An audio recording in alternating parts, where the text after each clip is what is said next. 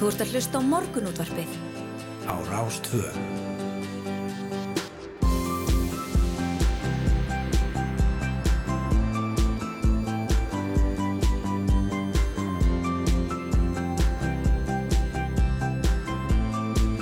Morgunútvarpið Á Rástvö. Morgunútbrið býður góðan dag, miðjögudaginn 30. mars. Klukkuna vantar 10 myndir í sjö og það eru yngvar þóru og Hulda Gerstóttir sem verður hérna með ykkur til klukkan nýju.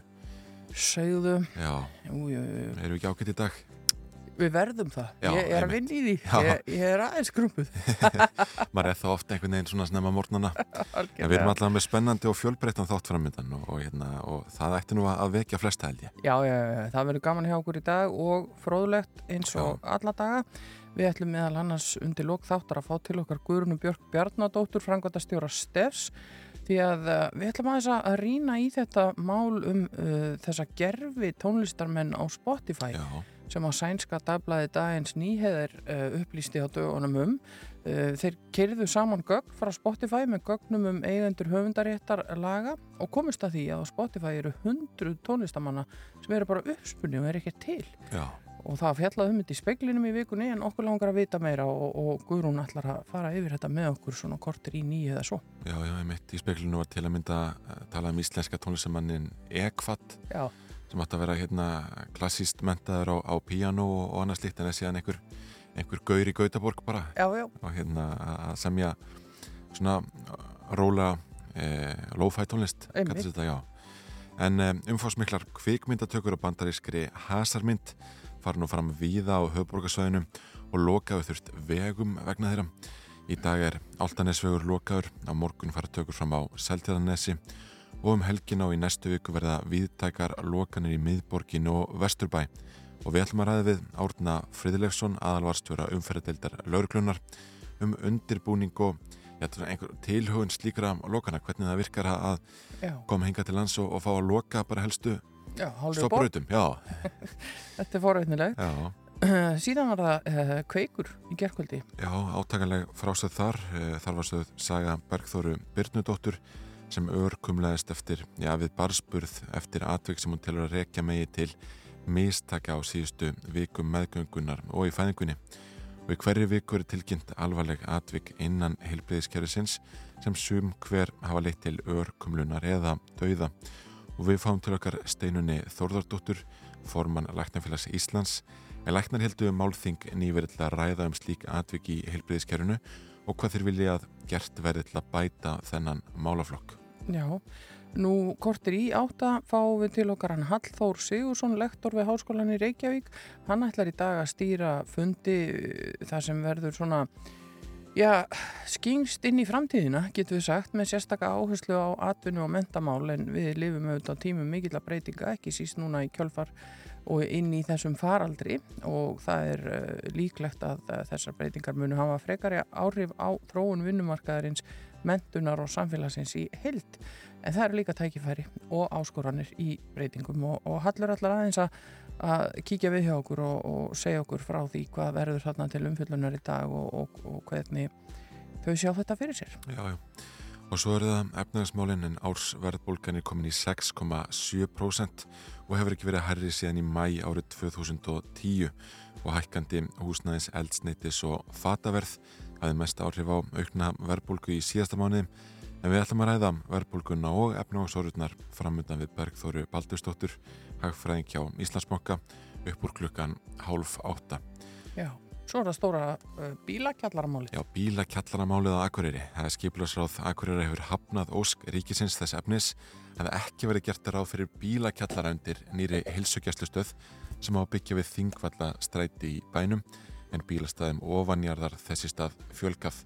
Frankvænta sísla eh, ríkisins eh, segir í brefu til Akureyrabæjar að ekki hafa verið gert ráð fyrir bílakjallara í heildar kostnaði við bygginguna og við ætlum að ræða við Þórhall Jónsson, formann skipulagsráðs en brefið komur ráðinu algjörlega í opna sköldu og ráði segir bílakjallaram forsendu fyrir heilsugjastustöðu á þessum stað. Já, þetta og ímislegt uh, fleira á dasgrá hjá okkur í dag meðal annars ætlum við hérna rétt að kíkja þess að fórsýðu bladana. Uh, ég er með fréttablaðið og uh, þar er á forsýðu mynd frá Pólandi, frá bænum Medika, Medika í Pólandi og uh, það er hún og Lena og börnin hennar sem eru ukrainski flótamenn sem eru hér á þessari mynd uh, Citrix Ara. Og uh, í frétt hérna fyrir neðan segir að sjálfbóðaliðar í pólska bænum uh, Medika segja að fólk sem áður flúði sé að snúa aftur og aukin von er um að stríðið endi vel og margt bendi til þess að varnir úkrænumanna og mjög öllu andstaða sem hamlar framgangi rúsa í innrásinni hafi kveikt vonir meðal íbúðalansi sem að hægt verða að búa áfram í landinu og mörg dæmi er um að fólk sem hafi flúið hafi snúið aftur heim. Já, einmitt. Það er áhvert að sjá íslenska fréttafólki nú í, í e, Pólandi, e, fréttablaði með fulltrúa þar og, og kjarnin sem leiðis og sen er Björningi held ég komin til Úkrænu Já, það, það var hérna... talað við hann þar uh, fyrir helgi í, í síðdeisúttarfinu og, og sjónvarpinu en, en ekkert heist frá hann eða ég var allavega ekki séð neitt frá hann núna alveg síðustu dag Nei, einmitt, einmitt, það Íslands fréttafólk er greinlega á leiðinni þarna út eða þar úti. E, á morgunblæðinu, fórsíða morgunblæðsins er e, mynd sem Óskar Hartgrímsson, ljósmandir í búsættur í Kennugarði sem við höfum nú nokkur rætt við þekur þar sjáum við eh, að sjálfbúða liða smirja samlokur fyrir hermenn og sjúkrahús í Gænugarði. Eh, hann segir að, að ástandi í landinu minni sig á Ísland á þessan hátt. Það vilja allir hjálpast aðoleikja sitt af mörgum til þess að verja landið og þjóðina. Það minni mig mikið á Ísland segir Óskar þegar það vantar hjálpur og allir tilbúinur að hjálpa og standa allir saman þegar þarf. Og það er búið að koma upp sjálfbóða eldhúsum við Ísvegarum borgina það sem einmitt er elda fyrir hermenn og sjúkrahús og um, þar mætir svo almenningur með það sem vanta til maturislunar og leggur sitt af mörgum. Það verður að gera vel við hermennina, segir hann, um daginn voru í bóði samlokur með truflusmjöri. Já. Það er, mitt, er, er svona, hérna, það er eitthvað að rofa til í fríðar viðræðum. Það er líka fjallega um það hér á fórsýðu morgunblassins, fríðar viðræður Úkræn og Rúslands, þeim miðar áfram og, og vonir vöknu í gærum að tími væri komin til að bóða til fundarmilli leiðtoga þjóðan að tvekja. Já, segir hér á fórsíðu fréttablasins að skuldir ríkisins vaksi áfram en eh, ríkisfjármála áallun var kynnt í gær fyrir 2023 til 2027 og hún byggir á því að hagvöstur leiði til þess að skuldarhlutvall ríkisins far ekki yfir 44% en 2 miljardar hallir áallar í lók tímabilsins og skuldir ríkisins haldi áfram að vaksa og Bjarni Bjarnindisson fjármálar á þeirra segir að framleiðslu slakin í hægkerfinu sé horfin. Það var nánar í þetta hér á síðu fjögur í fréttablaðinu en uh, við ætlum að fara að færa okkur yfir á fréttastofuna hér hínum meginn við gangin, uh, fáum fyrsta fréttatíman í lofti núna á slæðinu klukkan 7 og uh, snúum svo aftur í morgun útarpið eftir örfáum mínútur.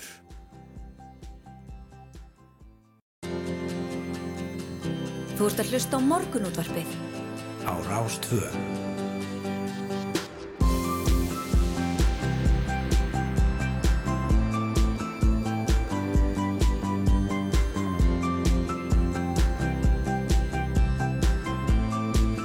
Morgun útvarpið á Rástvö. Við bjóðum góðan dag á Rás 2. Það er morgun útarpið sem er farið af stað og með ykkur í dag eru Hulda Geistóttir og Yngvar Þór Björnsson. Og við ætlum að fjalla um hitt og þetta í þættinum eins og alltaf. Við uh, meðal annars uh, ætlum að segja ykkur frá því að um, já, við ætlum að ræða stóra bílakjallaramáli og akkurir getur við sagt sem svo. Já. ringjum uh, norður hér eftir stuttastund við ætlum að þess að rýna í verbolguna með Bergþóru Baldurstóttur hagfræðingi Svo ætlum við að heyra áhugaverðu málþingi í háskólanum í Reykjavík í dag þar sem skynst verður inn í framtíðin og þróun vinnumarkaðar, mentunar og samfélags. Og við ætlum að halda áfram að skoða uh, þessi mál með læknamistökin og ræða ítarlegar við hana steinunni Þórðardóttur forman læknafélagsins í kjölfar kveiks þáttarins í, í gerkvöldi Nú, svo hefur að taka bíómynd hér á höfuborgarsvæðinu, Átni Fridlifsson aðalvarstjórið umferðadeildar segir okkur frá lokunum og, og tilhugun í kringum það og svo undir lok þáttar uh, eh, hákífunum til okkur um Guðrum Björk, frangatastjóri Stefs til þess að ræða við okkur já, þessa gerfi tónlistamenn á Spotify. Já, einmitt. En er kannski rétt að líta til veðurs og hugleðingar veðurfræðings já, eru nokkuð skemmtilegar núna í dag. Nú, Það segir í dag má búast við hennum ákættasta veðri. Einhverju voru vongóður um að sólinn myndi skína glatt í gær en almennt eru skíahölu spár minnst ábyggilegustu spáafurðir sem við veðurfræðingar vinnum með. Samt sem aður hafa þær batnað stórlega á síðust árum en almennt standa þær sig best þegar skil nálgast landið en eins og í gær ekkert sérstakar þegar langt er í næstu lagið eða skil. Stundum vantar aðeins hestlu munin að sólinn náð bræða af skíahöluna og til að marsum það þá mældust rúmlega þryggja klukkustunda sólskin á sólarmæli veðustofanar í gær. Svo má alveg gera sér vonir að dagurinn í dag geri enn betur, Já. segir í, í hugleðingum veðurfræðings og ef við skoðum nú kortið núna í, í morgunsári þá eh, ætti nú að vera, vera hérna, sjást vel til sólar eh, allavega á vestanverðu landinu framöfti degi. Þetta lítur bara nokkuð vel út ef Já, við... svo til háttegis alltaf. Já, Já. þegar við förum að hátteginu þá er hægt að draga línu svona niður eftir miðjulandinu og, og uh, vestari helmingurinn svona bjartari en, en austari þar er meira, meira skíjað Já. og það er sérsagt suðlega átt víða 3-8 metrar á sekundu en kvassara siðst í fyrstu víða bjartviðri en smá jél við austuströndina og svo þyknar upp vestan til um kvöldið og morgun verða skúrir sunnan á vestalands en slittu jél eða jél fyrir norðan annars úrkomu lítið. Og hiti á bylnu 1 til 6 stig. Á sunnanverðurlandinu að deginum en vægt frost annar staðar. Víða næturfrost. Það er ekki alveg, alveg komið vor. Nei, en við, við hérna kvörtum ekki, það var alveg óbáslega gaman að fá svona dag í gær það sem að maður gæti bara verið svolítið að hanga úti Já, eftir vinnu. Einhvern veginn loksins og, og, og svona almennilega hægt að ganga á göngustíðum í Já. fyrstskipti í, í langan tíma. Virkilega notalegt. Já. Uh, sennilega lítið að frétta hjá vegagerðinni eða hvað, ertu eitthvað búin að kíka það? Það eru vegir eru víðast hvar greiðfarir, segir hér, en, en þó er eitthvað um hálku eða hálku bletti á fáinum leiðum. E, eins og við nefndum hér áðan, þá er Altanesvegur lokaður í dag. Hjáleið verður um Garðarunnsveg hér á vegagerðarinnar, kemur ekki fram hvers vegna þetta er, en Mm. okkur skilst að þetta sé vegna þessara kvikmyndatöku. Já. Nú á, á e, Suðvesturlandi þá er Krísavíkur, Krísuvíkurvegur lokaður hálfan daginn í, dag, e, Bláfjallavegur Sumulegis lokar fyrirpart 50 dags vegna kvikmyndatöku á Vesturlandi er mestu greiðfært en eitthvað um hálku bletti á fjallvegum og þar hafa hólur myndast víða í vegum og vegfærendur því beinur um að sína aðgátt á meðan unnið er að viðhaldi. E, í dölunum hefur verið ja, einhvað vartum um e, blæðingar á vegum og á Borgarfjarabraut er vegurinn ójafn eftir viðgerir vegna ræsaskemta milli Árdals og Skeljabrekku. Á vestfjörðum greiðfartað mestu en hálkublettir á nokkurum leiðum til að mynda Dinjandisheiði og á leið norður í Djúbavík hefur víða runnið úr vegi og vegfærandur bennur um að aka varlega og það er hægt á slítlags skemdum um, í Skagafyrðim á Norrlandi uh, og uh, við ekki eitt feldur úr gildi segir hér og ástungi takmarkaður við 10 tonn á þjóðvegi 76 Það er eitthvað um hálkublett á norð-austurlandi og á austurlandi. Og suðausturlandi er mestu greiðfart en eitthvað um hálkubletti einmitt. Mhm. og á suðurlandi hafa hólur myndast víða í vegum og vegfærandur beðnir um að sína aðgátt og brúin yfir Kelduál og Sandholmavegim er skemmt og þar er 5 tonna ásvungi. Já, það er ímislegt sem þarf að huga þó Já, að já. sé svo sem ekki kannski vetra færð akkurat í augnablikinu en, en af um, fenginu reynslu jafn gömul og ég nú orðin þá getur en þá komum páskarett þannig að við treystum ekki á að það sé alveg komið vor Nei, en nei, fylgjumst bara vel með því sem uh, framfer. Við ætlum Já. að, vinda okkur í fyrsta lag dagsins og það lag á hún Mirra Rós þetta er eh, frábært lag hjá henni sem heitir eh,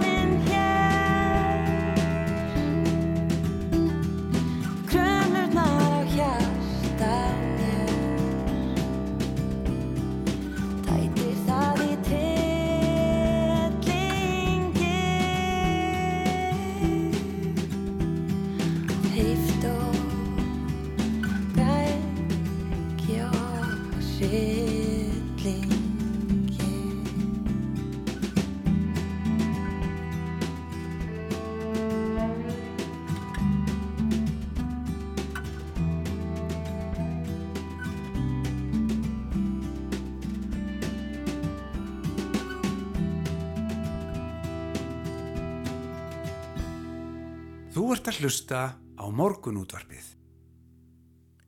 Jú, áframhaldum við í morgun útarpinu og við vorum búin að vera að glugga þessi blöðin og þar er eh, verið að fjalla um eh, þessa, já, þessa gaggrinni Bubba Mortens á, á eh, íslensku tónlistavelunin. Það er heilmikið, heilmikið grein þannig í fréttablaðinu eh, um það og, og Kristján Freyr Haldursson, frangandastjóri íslensku tónlistavelunina svarar fullum hálsi. Já, já, einmitt Bubbi gaggrindi hátíðina fyrir að sniðganga vinsælt pop og, og, og svona laði það nánast til að stopna ný samtök fyrir veitingu veluna til íslenskra tónlistamanna og, og kvenna. E, og, e, já, og Kristján svaraði þessu hér í, í frettablaðinu hann segir að, að Bubbi sneiði fram hjá mörgu þegar komið að íslenskum tónlistarvelununum þetta er ekki velun vinsælda popsins heldur er allt hann undir, þetta er byggt á breytinni segir Kristján Við sjáum alla þessa flóru, síkildatónlist, klassiska, raftónlist, rap og hip-hop. Og þess að Kristjáns Freys hefur já, þannig margt komið upp úr pottinum síðust ár. Þetta er það sem svíður, þetta er ekki þannig að, eh, já, þetta eru þannig ekki hlustendavölun eins og þau heita annar staðar. En um, ég er aðdándi þeirra veluna og finnst þau eiga fullan rétt á sér. Og íslensku tónlistavölunum er verið að skoða allt það sem þótti skara fram úr á síðasta tónlistar ári og hann bendir á að, að það sé um, um þverskurð að ræða. E, þannig að þetta er, þetta er áhugavert. Hann, hann hérna e, hann, hann segist hvetja áhuga fólk um tónlist til að skoða tilmyndingarnar Mm -hmm. það sé fólk sem ekki hafi rödd í bransanum eins og Bubi Mortens hefur rödd, segir hann. Sterkasta hliði verðlunana er að þarna koma hlutir fram sem ekki voru í spilun á út á stöðunum þetta er miskilningur að þarna eigi heima vinsalasta poppið.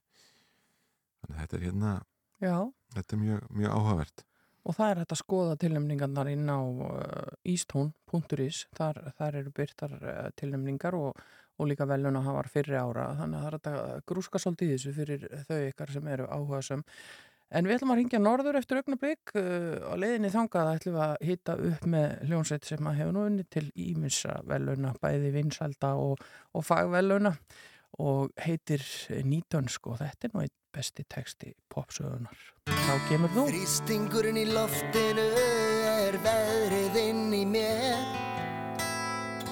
Þó ég lækki um mitt millibar Get ég ekkert sagt á ekkert svar. Stormurinn á undan logninu er byðin eftir þér. Nú spáir roki og spáir kvíða Áframhaldandi kuldum víða. Hvenar get ég hægt að skrýð og gengið uppréttur? Svo kemur þú. Svo kemur þú. Á rofar til að milli hríða. Þú ert friðurinn á milli stríða. Svo kemur þú. Svo kemur þú Þér fylgir hjarnan lokn og blíða Sunnan átt og almenn þýða. Þó ég byggjum nýja veður spá er ekkert víst að úr henni rætist Er áhuga samur um eigin gróður en hef aldrei verið vetur fróður. Og lægðirnar sem leggjast á mig kom í veg fyrir að ég kætist Þegar dagurinn verður aldrei bjartur og hugurinn orðin byggar svartur eins og óbotnaður fyrri partur og rýmaður Þá kemur þú. Þá kemur þú. Þá rofar til á milli hríða. Út friðurinn á milli stríða. Svo kemur þú Svo kemur þú. Þér fylgir jafnan lokn og blíða Sunnan átt og almenn þýða.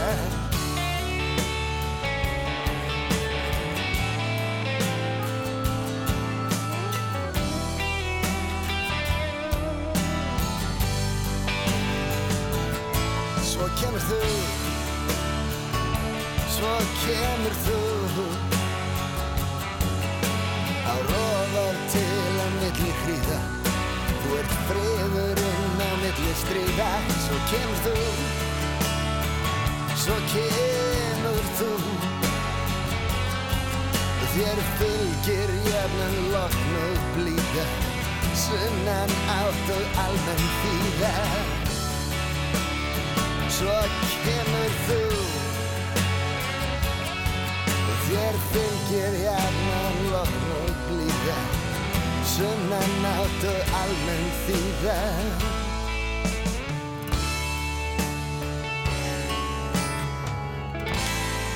Þú ert að hlusta á morgunútvarpið á Rástvö. Og við ætlum norður en skiplásráð Akureyrar hefur hafnað ósk ríkisins þess efnis að það ekki verið gert ráð fyrir bílakjallar undir heilsugjæslustöð sem áður byggja við Þingvallastræti en bílastæðum ofanjarðar þessi stað fjölkað og Þóraldur Jónsson, formaður skiplásráðs, er komin á línuna, góðan daginn. Góðan daginn. Sko, getur þú lísta þess aðdraðanda þessa máls fyrir þá sem ekki þekkja til? Já, algjörlega, sko, hilsugjæslan hér á Akureyri er búin að vera í eh, frekar lélegu húsnæði undan varin ár og, og til hefur staðið að byggja hér tvær hilsugjæslur eða, eða koma á stað tveimur nýjum hilsugjæslum í sikkur hverfin á Akureyri. Og það er búin að fara í staðavalskreiningu og það er búin að vinna með ríkinu undanfærin, ég held þrjú ár bara í því að koma þessu sem sett á lagirnar og, og við erum búin að deili skipulegja tjaldsvæðisreitin hlut af honum sem er við Æslandi er hóteli hérna á Akureyri, Mísvæðis, mjög fýtt fít staður og, og þetta eru við búin að vinna með þeim alveg bara frá upphafi og, og, og þá sem sagt hérna uh, bara þeir eru búin að áskeftir hinn og þessu og það er búin að fara í greiningu á bílastæða þörf bæði fyrir hótelið og fyrir hilsugjastlunu og eins og ekki tímandi ykkur að þá er sem sagt ágætt samnýting með því að hafa þetta á sama stað og, þetta er mjög miðsvæðis og, og mjög fínt en eins og við veitum líka þá er akkurir landlítið bæjarfélag og við náttúrulega erum að gera þær kröfur í sértingareitum í bænum að menn sagt, nýti plássi vel og, og setja í bílastækjar mm. og þeir síðan sagt, eftir að við samþykjum hvað við segja í bæjastjórn uh, nýtt deiliskyplaði 1. júli 2021 að þá sækja þeir um sagt, lóðina í kjölfærið og uh, í umsókninni þeirra er sókt um sagt, að fá að byggja heilsugjæsla tveimur hæðu með kjallara. Já. Þannig að þú veist, það kemur okkur mjög í ofna sköldu núna að fá bref frá þeim þar sem að þeir óskefti því að, að sleppa kjallarinn það sem er ekki gert ráð fyrir því í frumatskíslu hjá þeim. Mm. Þannig að, að við erum svona bara hálf hissa sko á, á þessu öllu saman sko. Já, en, en hvaða máli skiptir það hvort að bílastæðin séu, séu í kjallara eða, eða bara við byggingun annars þar? Já, eins og ég sagði, við erum landlítið bæjarfélag og gerum ekki ráð fyrir skilur auknum bílastæðin þarna í kring þarna ætlum við sem sagt að fara í þétting á byggð og, og erum ekki tilbúin að setja skilur landflæmi undir bílastæði. Mm. Og hvað gerist næst í þessum móli? Ég veit svo sem ekki hvað gerist næst sko en við erum að hugsa um skilur að bæta aðstöðu fyrir skilur heilsugæslu og annað út á landi og, og, og þarna finnst okkur að okkur hálfpartin vegi því að sko eins og þið viti að þá er oft snjór og hálka á akriði og, og við erum með fólk sem er að fara þarna í miðsjöfni ástandi og það væri afskaplega þægilegt að geta farið þurrum fótum til dæmis. Mm. Já, já. Þetta er eitt af því sem að var rætt skilur strax í upphæði og, og þetta, þetta eru svolítið svona erfiðar aðstæðar í mjög marga mánuða ári til þess að komast sko ferða sinna. Já. Þannig að, að ég veit svo sem ekki hvað gerist í kjölfarið skilur ég menna þú veist uh, ég finnst bara mjög eðlilegt að þeir fari þá bara á, á sínu lóð sem að þeir eiga við sjúkrahúsið. En, en framkvæmtasíslan vil meina það að það hef ekki verið gert ráð fyrir bílakjallar sem sagt í heildar kostnaði við byggingunni eða eitthvað? Mm, Já, en samt skilur þegar þeir sendin umsóknin á allt saman þá skrifa þeir undir líka sjálfur sko. Þannig að þú veist, maður er ekki alveg að fatta það er, það er eitthvað sambandsleysið að sko, Já. og svo að sama manniska sé að skrifa undir skilur bæði brefi. Já, já, en, en sko þið við það að brefa hafi komið ráðinu algjörlega í, í opna skjöldu uh, hafið þið rætt við, við já, framkvæmtasísluna og, og ríkið frekar eftir þetta og, og spurt frekar já, hvað hefur gæst þarna? Já, það er engin svör komin ennþá sko. Þú veist, í mildtíðinni, þannig að þú veist, það bara kemur fram að, að það sé bara ekki gert ráð fyrir þessi í, í kostnaráallun og það er að fara í alút, út, út, alútbúð á þessu sko. Já, en, en farið svo að, að já, það hérna, sé ekki til fjármagn fyrir bílakjallara því það að heilsugjæslustöðin verður að vera á öðrum stað?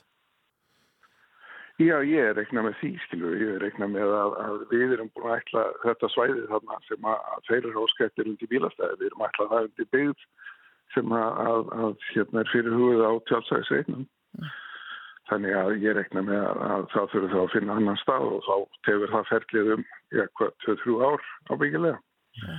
En er þetta Sem bara, að manni finnst, hvað segir þau? Manni finnst, manni finnst bara sorglegt í stöðinni, skilur að því að þú veist, það er sko virkileg þörf á því að bæta aðstöðu bæði aðkomu og allt saman fyrir, fyrir sjúklinga og síðan aðstöðu fyrir starfsmenn. En, en þetta uh, svar sem þið fáið að það hefði ekki verið gert ráð fyrir þessu, er þetta örglega einhver endapunktur í málinu eða getið þið uh, farið fram á að það verið endurskoðað og, og bent á, á það sem þú hefur nefnt, þessi, þessi fyrir gögn?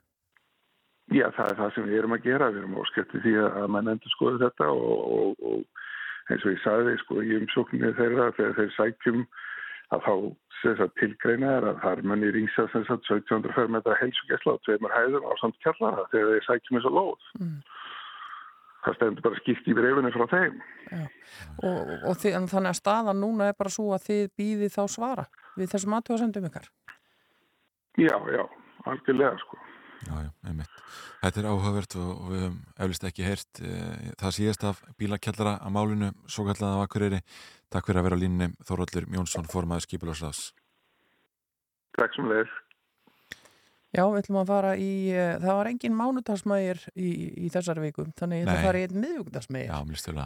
við erum að halda hefðinni við Já. og svo ætlum við að halda áfram hér í, í morgun útdarfinu, það er fréttaðið lit klukkan hálf á slæginu og að þeim, að því loknum þá ætlum við að setjast hjá okkur um Bergþóra Baldustóttir og ræða við okkur eh, verðbólguna sem er komin í 6,7% ársverðbólgan og hefur ekki verið hærri síðan í mæi árið 2010 þannig að uh, við förum í það hér eftir augnablík en uh, fyrst ætlum við að heyra uh, í John Mayer eins og ég sagði, lægið heitir Carry Me Away og svo er það frétta yfir lit á slæginu hálf átta.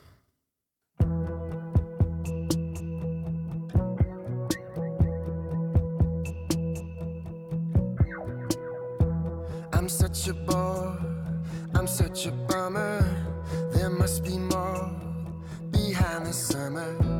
I want someone to make some trouble. Been way too safe inside my bubble.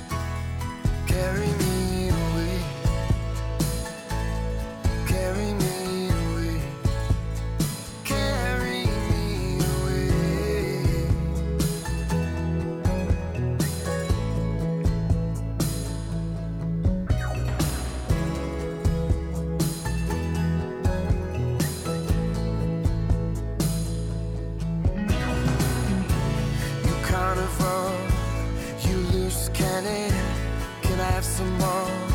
I can't understand it. You fast car, you foolish spender. You know you are, and I surrender. So come on over and wake me up.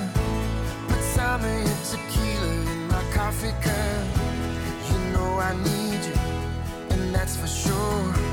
You're just the kind of crazy I've been carrying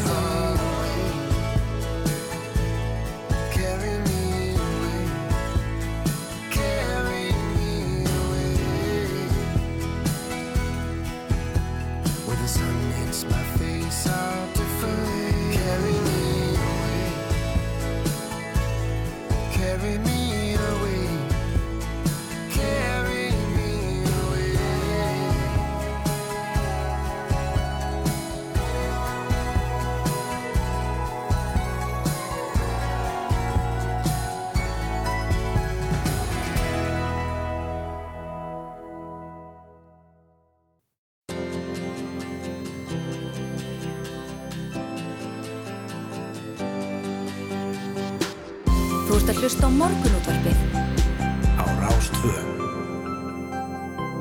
Jú, jú, þarna heyrðum við í frétta yfirlitinu að verðbólgan á Spáni hefur ekki verið meiri í 30 og eitthvað ár. Hvernig ætli það sé hér á Íslandi og það er ákveðat það sem við ætlum að grúska í hér næst. Jú, nákvæmlega ársverðbólgan er komin í 6,7% og hefur ekki verið að hærri síðan í mæ árið 2010 og Bergþóra Baldursdóttir, hagfræðingur hjá Íslandsbankar komin ykkar til okkar, góðan daginn. Góðan daginn. Hvað skýrir þessa miklu verðbólgu núna? Það svona helst eru tveir þættir sem er að skýra hann þessum myndir og það er hækkandi íbúðaverð. Íbúðaverð er búið að hækka svolítið frá því að faraldur skall á um mitt ár 2020 og þetta er svolítið að hafa áhrif á verðbólguna um, um þessa myndir. Og svo er það þessi innflutta verðbólga og við erum búin að sjá hana svona láta á sig kræla á undarförnum mánuðum, kannski cirka síðasta hálfu árinu og það er svona áhrif vegna COVID-faraldursins en núna líka vegna strísins í Úkrænu. Við sjáum til dæmis að ólíverð hækka núna millir mánaða um ríðilega 8% Mhm. og það er vegna strísins í Úkrænu. Já, en húsnæðsliðurinn vegur alltaf þungt þarna. Húsnæðsliðin er að vega mjög þungt, já, Já. Og, hana, og er búin að hafa mikil áhrif á verðbólguna uh, upp á síkastið, já. Já, einmitt, það verið diltið það náttúrulega hvort að ég taka þann þátt út úr, úr verðbólgurekningum. Hefur bankinn skoðan að því? Nei, þetta er sko vand með farið og, og hérna vissulega er sko, venjulega eru þessi tveir þættir sem ég var að tala um, þessi innflutta verðbólga og húsnæðsleirinn, þeir vega ofta móti hver öðrum.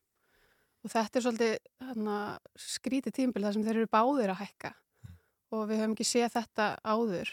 Um, en vissulega er uh, hagstofan að mæla verðbólgan án húsnæðis, hún gefur út vístölu nesluðis án húsnæðis og hún mælist núna 4,6% þannig að hún er ennþá tölvert yfir markmiðið Sælubankan sem er 2,5% og, og þannig að verðbólga mælist til dæla mikil án húsnæðsleginans líka. Já. En hvað er þetta, ef við lítum á því sögulegu samhengi, 6,7%, eh, er þetta með því hæsta sem að hefur þekst eða uh, hvað er mörg ár síðan við höfum séð svona tölur, hvernig, hvernig lítur þetta út ef við horfum aftur í tíman? Já, þetta er sko, hún hefur ekki mælst meiri í eh, 12 ár frá því mæi 2010 en við höfum nú alveg séð, séð að svartara, við höfum alveg búið við mikla verðbólgu og við erum búin að vera með fyrir eitthvað stöðugt stöðu að verðbólgu svona undarfærin ár. Þannig að þetta er svona eh, já, þetta er ekki nógu gott svona mið við það sem við höfum svona vanist svona síðastlegin ár. En svo verður að hafa í huga að þetta er ekki sér Íslands vandamál eins og heyrð, heyrðum henni í fréttonum uh, í bandaríkjunum þá er verðbólga næstu í 8% og efriðsvæðinu í kringum 6% þannig að þetta er, er áhrifa faraldursins og þetta er það sem að svona flest ríki eru að glíma við um þessa myndir.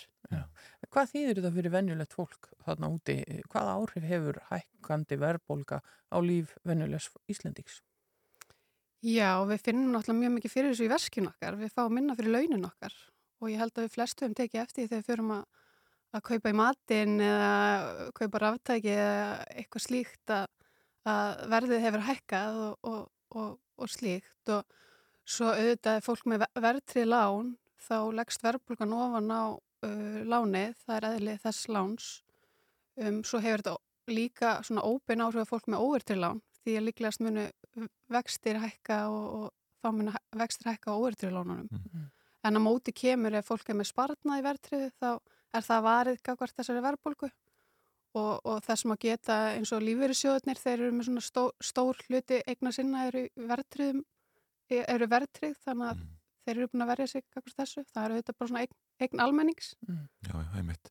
En eins og við herðum hér í fréttum þá er ekkert láta á átökunum í Úkrænu og, og, og f- það gengur svona hægt með friðar viðræður. Gerir ráð fyrir því að verðbólgan hækki enn frekar og við sjáum jafnvel ég tveggjast á tölur. Sko við erum ekki alveg þar í tökjastöðutölu enn sem komið er, en vissulega er óvissan mikil vanandi þetta stríð. Uh, og ofan að það eru ennþá COVID-áhrif sem er að hafa áhrif á þessari innfluttu verðbólgu. Um, við erum að gera ráð fyrir að verðbólga uh, aukist núna næstu mánuðum. Um, en við erum svona svolítið að vonast til þess að þessir þættir sem er að gerast hérna innanlands eins og húsnæðsverðið að það muni svona róast þar að segja hækka hægar um, og það geti þá vegið að móti þessari innfluttu verðbólgu sem er svona ljóst að muni halda áfram eitthvað og hversu lengi það er svolítið óvist og það er, það er þessi óvisa sem, að, sem að við vitum ekki alveg. já, já, en hvenær er gert ráð fyrir því að, að, að húsnæðsverðið farið að- að hækka hægar? Eh, Það einhvern veginn virðist vera langt í það að frambúð mæta eftirspurn. Já, það er bara rosa mikil eftirspynda spenna markan núna og auðvitað er Sælabankin búin að reyna að grípa inn í bæði með hækkun vaksta og að reyna að hafa áhrif á er með svona reglur um lántöku um, það hefur ekki virkað sem skildi ekki enn sem komið er en ástæðan fyrir því að það er bara rosalega lítið frambúð á markanum. Við erum að búast við auknu frambúði þegar líða tekur árið og um leið og það gerist þá fara þessar aðgerið Sælabankars að hafa meiri áhrif þá dvínar eftirspurnin og frambóðið ykst. Mm Þannig að við erum að vonast til að þetta geti gert svolítið hratt, að, að fastanmarkan geti róast svolítið hratt og það er náttúrulega vegur á móti þessari innfluttu verðbólka eins og ég sagði og geti haft þau áhrif að verðbólka hjaðinni. Já, já, einmitt. Er Ísland í annari stöðu uh, varðandi innflutt verðbólguna vegna þess að við erum svona eiríki og þurfum að, og treystum á svo margt utanfrá? Já, vissulega hefur áhrif að við erum eiga og, og hérna, flytjum inn flestar af okkur, af okkar vörum.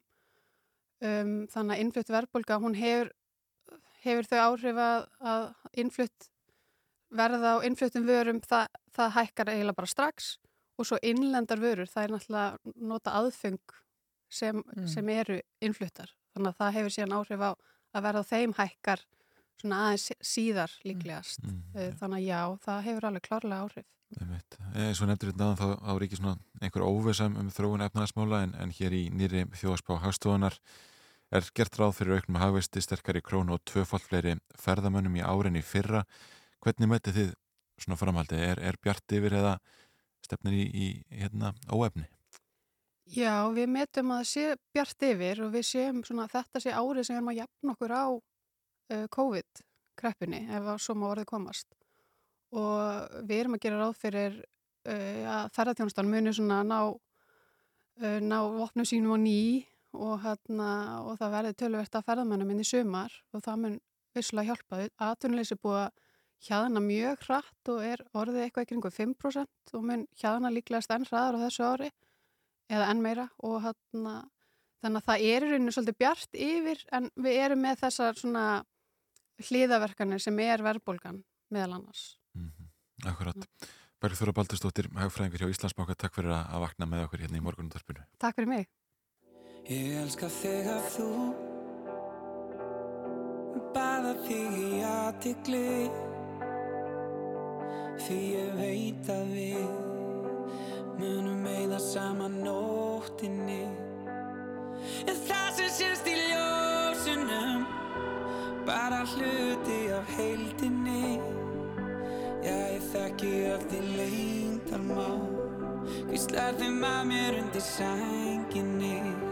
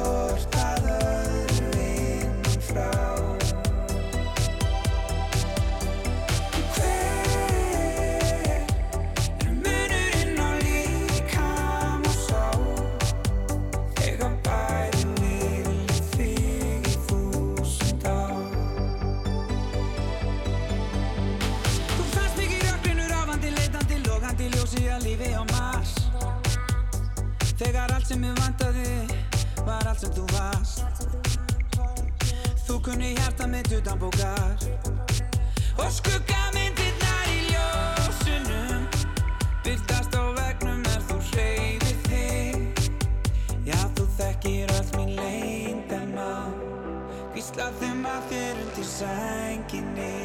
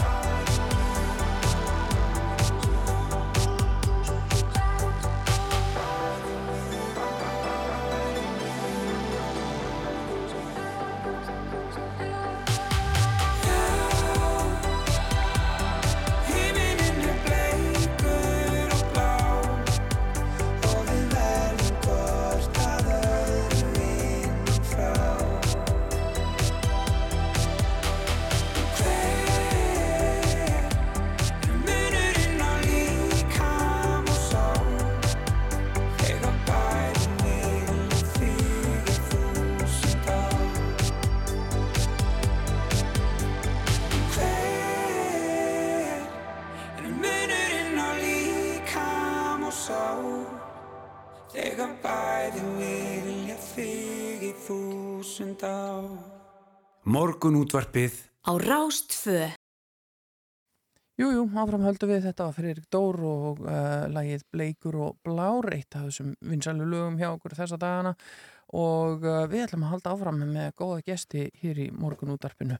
Það er ótt að segja að við lifum á tímum mikilla breytinga og þetta eru breytingar sem að munu sennilega hafa frekari áhrif á þróun vinnumarkaðar, mentunar og samfélagsins í heild en við veitum það líka í breytingum félagsbæði, tækifæri og áskaranir og í dag ætlar viðskiptadeild háskólans í Reykjavík að efna til málþings og þar á ekki að gera neitt minna en að skiknast inn í framtíðina Já. með sérstakri áherslu á atvinnu og mentamálin og Hallur Þór Sigurðarsson er lektor við háskólan í Reykjavík. Hann ætlar að stýra þessum fundi í dag og er komin hérna til okkar. Við náðum að nappa hann í hús áður en hann þarf að mæta. Þau ætla að byrja klukkan nýju en uh, Hallur sestur hérna hjá okkur, velkomin. Já, kæra þakkir. uh, segð okkur aðeins nánar af þessu. Hva, hvaða pælingar eru þannig í gangi? Já, það eru heilmikla pælingar eins og segir, þetta er hérna að reyna að skiknast inn í framtíðina. Þetta er svona þessi málstofa sem við erum með núna í dag, hún kemur af því að, að við höfum verið í samstagsverkefni við uh, rúmenska háskóla og stopnarnir Mm. og, og hérna, það er nú verkefni sem fór á stað í, fyrir COVID og, og, hérna, og síðan hefur það náttúrulega verið eins og, eins og það var. En, en þar eru við að fást við, eh, svo ég segi bara, byrju bara á því að því að það er svona samhengið í þessari rástefnu að þar eru við að fást við það að reyna að búa til uh, kennsluefni uh, fyrir háskóla það sem að uh, er fyrir háskóla nefendur og þá sem að eru koma á auðvitað á atvinnulífinu, svona stittri, stittra kennsluefni sem að undibúa fólk betur fyrir framtíðina, ef svo má segja. Þannig að, að grunnhugmyndin í þessu verkefni er svo að að eh, fólk í atvinnulífinu og nefnendur getur tekið þarna svona stittri, stittri námskeið og, eh, og eh, getum sagt svona fái, fái leiðsögn og, og þekkingu sem að tengist nýsköpun og, og hérna umhverfismálum og ákvarðantöku, óþektum vandamálum og svo framvegis og framvegis. Mm.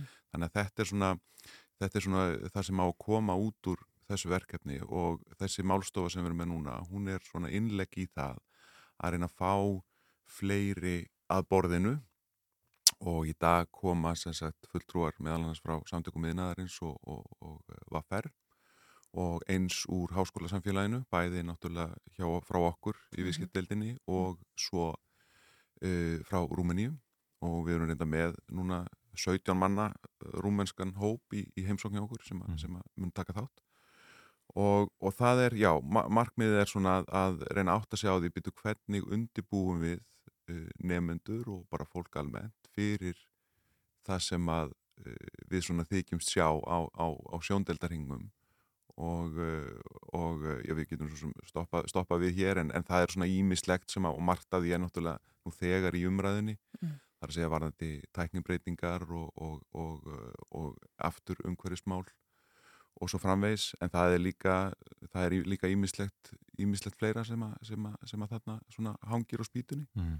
en, en, en þetta er það má segja sko uh, okkur orðið orðið svo tamt að tala um sko framtíðina og breytingar og, og allt slíkt og, og það vil kannski svona í þessu samhengi og þetta er verið svona undirbúið með aðeins hérna fyrir erindi mitt í dag að, að þá fær maður svona hugsa býtu, sko þetta með óvissa framtíð það er í raun og veru og það er kannski ágætt að hafa það í huga að, að það er eitthvað sem að sem að við erum ekkert sko e, vön að, að, hérna, að fást kljást við að framtíðin verði eitthvað mikið öðruvísi heldur en nútíðin Mm. við hörum bara eins og í, á íslenska sögu það er, er, er hér árþúsund sem að það sem að lítið breytist má, má allavega færa góð rauk fyrir því en núna sérst upplifið okkur verandi á tímum sem að Ég held að margir hafi eh, ekki látið sér dætt í huga að við myndum lifa á bæði heimsfaraldur og, og stríði í Evrópu Já. á okkar tímum. Já, og það eru, og það er, hérna, og það eru þessir eh, kannski óvæntu hlutir sem að alltaf koma upp og, og hérna, og ég vona að það verði hluti af umræðinu líka núna á, á eftir að, að það er eins og þú segir, sko, það er heimsfaraldur sem að ekkit okkar sem að núlifandi hefur upplifað í, í, í, í, í þessu, þessum stíl Mm. og, og svo uh, held ég líka að við séum hérna bara rétt átt okkur á því hvað í raun og veru þessu áfalli sem, að, sem að va- uh, verður með Úkrænustríðinu Já. hvaða er í raun og veru sem er að, Já, að gerast sko. Og, og hvaða breytingar munum við þá sjá á, á vinnumarkaði og, og samfélaginu þegar stórt er spurt? Já, þegar, stórt er spurt að, að þá, e, þá, þá er kannski svona örugast að, að hanga í, í því sem að, sem að, hérna, sem að hefur verið svona talað um og mikið, mikið eh, skrifað um og, og það eru þessar sko, þessar, þessar tæknubreitingar og hvernig í raun og veru störf munu breytast og, og það er þessi þörf á, á símentun sem við erum að gera ráð fyrir. Ég hérna, svo ég tali nú bara svona aðeins út frá uh, og ég hef svona aðeins búin að vera að fara í gegnum heilmikið skýslum og, og slíku og það sem að svona uh, hluta því sem að uh, þeirri mynd sem að blasi við manni er að, að einhvers konar tækni læsi að sjálfsögðu er, verður algjörlega og mun verður algjörlega nöðsynlegt það, það að geta, það, það er í nú bara að kunna að læra Mm. og kunna að tilenga sér nýja þekkingu. Og það er kannski eitthvað sem að, sem að við í háskólunum og annar staðar þurfum að hérna, tilenga okkur betur. Og uh, frekar heldur en að leggja ofur áherslu á einhver ákveðin, ákveðin fög eða slíkt en, en það er þetta að fólk geti tilenga sér nýja þekkingu Mm. síðan kannski ef ég, ef ég má þá, þá held ég líka við sem að sjá hérna og það tengist þessari uh, hérna, samfélagsmiðlum og slíku og, og, og, og, uh, og nú er ég sjálfur líka að vinna með vinna með, skal ég segja gerfigreind svolítið í, í, í rannsóknarverkefnum og þá erum við líka að sjá svona að við þurfum að átt okkur á því hvaða áhrif þessar breytingar er að hafa bara svona á grunngildi í samfélaginu. Mm. og, og nú veit ég ekki hvað við höfum mikið tíma í það en, en það er svona eitt af því til dæmis uh, við erum að, skoða innleiðingu á, á gerfigreind hjá einu opimbera hvernig, hvaða áhrif hefur það svona á grunngildi sem að við tengjum við líðræði og, og svona gagsætt samfélag og, og, og, og jafnræði í meðhöndlun og slíku? Hvaða áhrif hefur það ef að, ef að algoritmar eða, eða gerfigreindur farin að taka ákveðan ákvarðanir e, til sín. Mm. Mm. Ég, held, ég held að svona ákveðin sko, og þannig eru svona svona hugvísindin komið svolítið inn, það er að segja hver eru svona þessi grunnstóðir og gildi sem við, við viljum halda fast í. Já.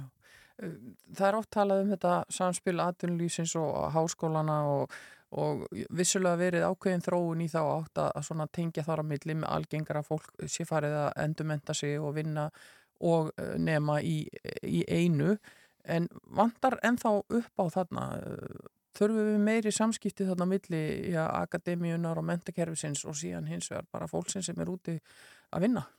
Ég, ég held að við getum alltaf hérna, sem sagt, bætt okkur í því og, og hérna, en það sem alveg frá í raun og veru samt sem aður halda því til haga svona alveg frá stopnun háskólans í, í Reykjavík og, og, og forvera hans að þá var þetta í raun og voru alltaf óbúslega mikil, eh, mikil áherslupunktur og er enn, það er að segja að halda þessum tengslum við atvinnulífið og, og við erum með sagt, bara mjög öflugt svona hvað ég voru að segja, samskipta rásir þarna þar sem við erum að senda nefnendur í, í, eh, inn í fyrirtæki og vinna verkefni og, og, og, og svo framvegis og framvegis þannig að, þannig að við, við erum í raun og voru alltaf að, að reyna, reyna að vinna í mitt með þessi, þessi tengsl sko. mm. Eh, Rúmenía eh, samstagsfólk þaðan hvernig kom það til?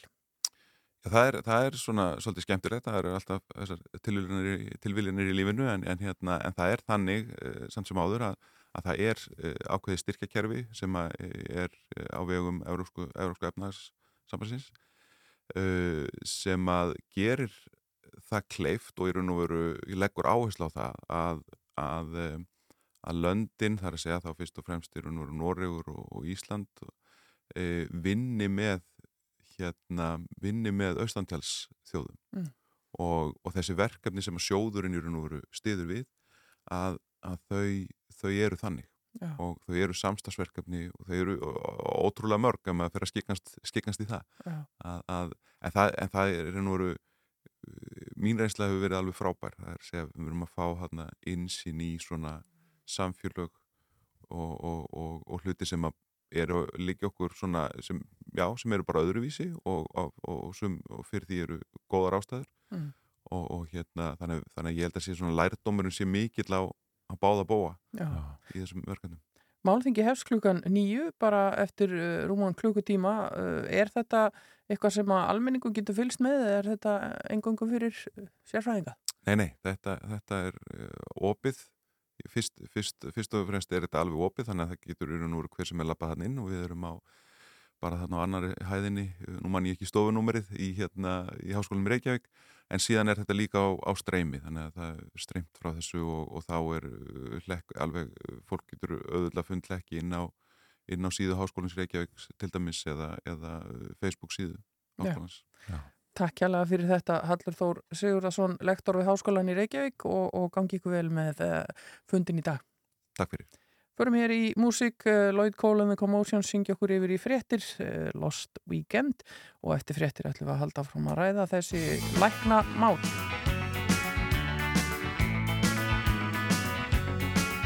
Took a lost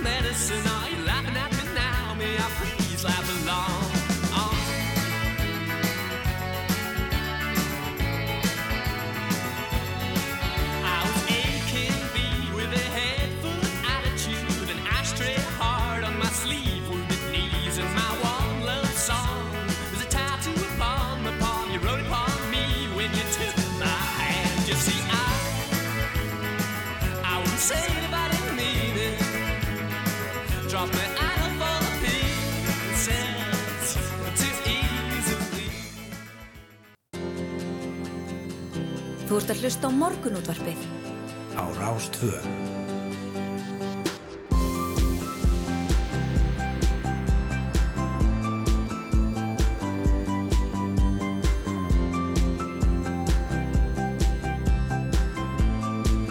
Morgunútvarpið á Rástvö. Áfram höldum við í morgun útdarpinu, það eru Yngvar Þór og Hulda Guðfinna, ekki hafa það með, fyrstu höfum eh, millinafni þitt að hafa það mitt. Jú, ég held að það sé um að gera að hafa það með sem oftast. En uh, við ætlum að, að halda áfram að, að uh, spá í lífi og tilveruna hér í morgunútarpinu og fá til okkar góða gesti. Hér er þetta eftir sestun hjá okkur um Steinun Þóruðardóttir, formaða Læknafélags Íslands. Hún var í, í fréttum í gerkvöldi í framhaldi af kveiksþættinum sem var í, í, á dasgrá í gerkvöld. Við ætlum að taka þessa umræðu aðeins lengra og, og spjalla við hana hérna á eftir.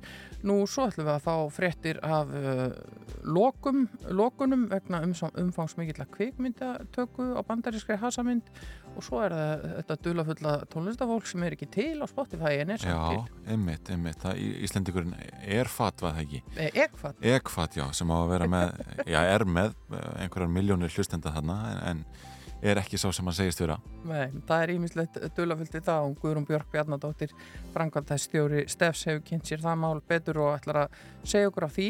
Nú, heyrðum, Andra Yrkil tala hér um, um vorbóðan sem fælist í sinubrunanum. Já. Ég finnst það nú kannski ekki svona uppáhaldsvorbóðin minn, ef ég á að vera alveg heiðaleg. En uh, það er líka vorbóði í Eurovision og við erum öll auðvitað farin að hitu fyrir þá stemmingu í mæ og uh, gerum það auðvitað með því að heyra Eurovision-lægið okkar allra með hækkandi sól.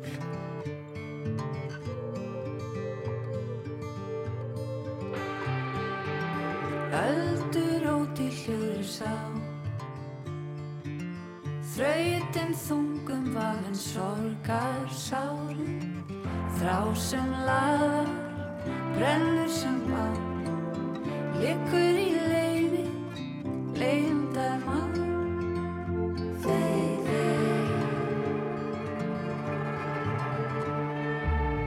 Ljósa skiptum fær að sjá Fegurð í frelsir sem þokast nær. Þó nætur hún mig skelli á. Og sögð á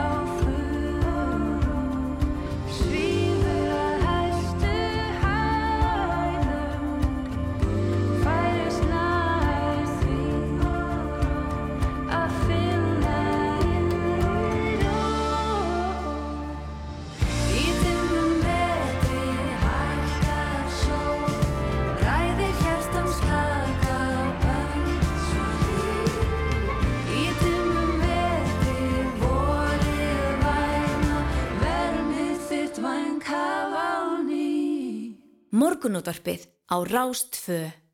Alla virka daga frá 6.50 til 9. Jújú, í fréttaskýninga þættinum kveiki gerðkvöldi var sögð Saga Bergþóru Byrnudóttur sem örkumleðist við barspurð eftir atveg sem hún telur að rekja megi til raða mistaka á síðustu viku meðgöngunar og í fæðingunni og steinun Þóradóttir formaður Læknafélags Íslands er komin ykkar til okkar, góðan daginn. Góðan daginn. Sko, hvernig sló þessi þáttur og þessi frásögn þig? Mér fannst bara mjög erfitt að horfa á hana þátt og, og þetta er mín samúð fyrst og fremst með Bergþóru sem að gekk í gegnum þarna hörmulega fæðingu með miklum afleðingum. Mm. Þannig að sem bara manneskja og, og kona sem hefur átt börn þá fannst mér þetta bara gríðarlega erfiðir þáttur að horfa. Já, en það kom fram þarna í þættinum, þetta var í sjálfsir aðeins svona víðari umfjöldun heldur en bara um hennar mál þó hafa, það hafi verið í brennidepli en það kom fram að það væri uh, alvarlega atvik í hverri viku tilkynnt mm. og uh, við einhvern veginn heyrum að þessu tala nú ekki um með tilkomið samfélagsmiðla þá verða, kemur ímislegt svona upp á yfirborði sem fólk kannski heyrði ekki af áður er þetta ekki allt og allt og mörg atvik? Já það er hægt að horfa þetta kannski frá fleiri hliðum og Svona hinliðin á því að kannski svo að það sé þá verið að skrá fleiri atvik heldur en var gert áður. Maður getur auðvitað ekki fullirt um það en, en ég vona að þetta endurspegli að öryggismenningin sé batnandi mm. inni á helbriðstofnunum. Auðvitað er þetta mikið, ég tek undir það en, en hérna, ég eins og ég segi, ég vona að þetta sé, það sé, hvað maður að segja, jákvæða skýringar á því að við séum að sjá fleiri at, alvarlega atvik skráð og þá eru þetta, eins og kom fram með þessum þætti, það er kannski helmingurinn sem að hefði verið hægt að koma í veg fyrir mm.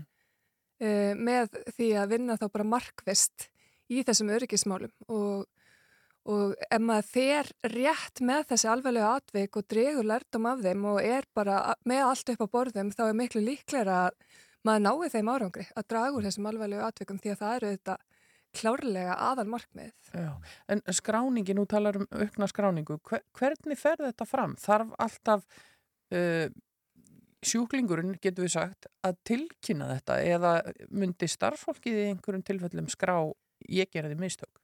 Já, í rauninni er þetta langoftast starffólki sem að skráir, þetta er skráningsstofnana á sagt, alvarlegum atveikum, eins og maður segi, sem hefur geta valdið, eins og kom fram með þetta í þættinum ekki er örkumli eða jáfnvel dauða mm. eða öllu slíkum, eða það var þá útkoman eða hefði geta orðið. Það eru þessi alvarlega atvik og það er stopnunum og starfsfólkstopnunum sem að skráir þetta. Þannig að fólk er vakandi fyrir því að það er okkar skilda að láta vita af svona atveikum og tíunda þau bara mjög ítarlega þegar þau eru tilkynnt.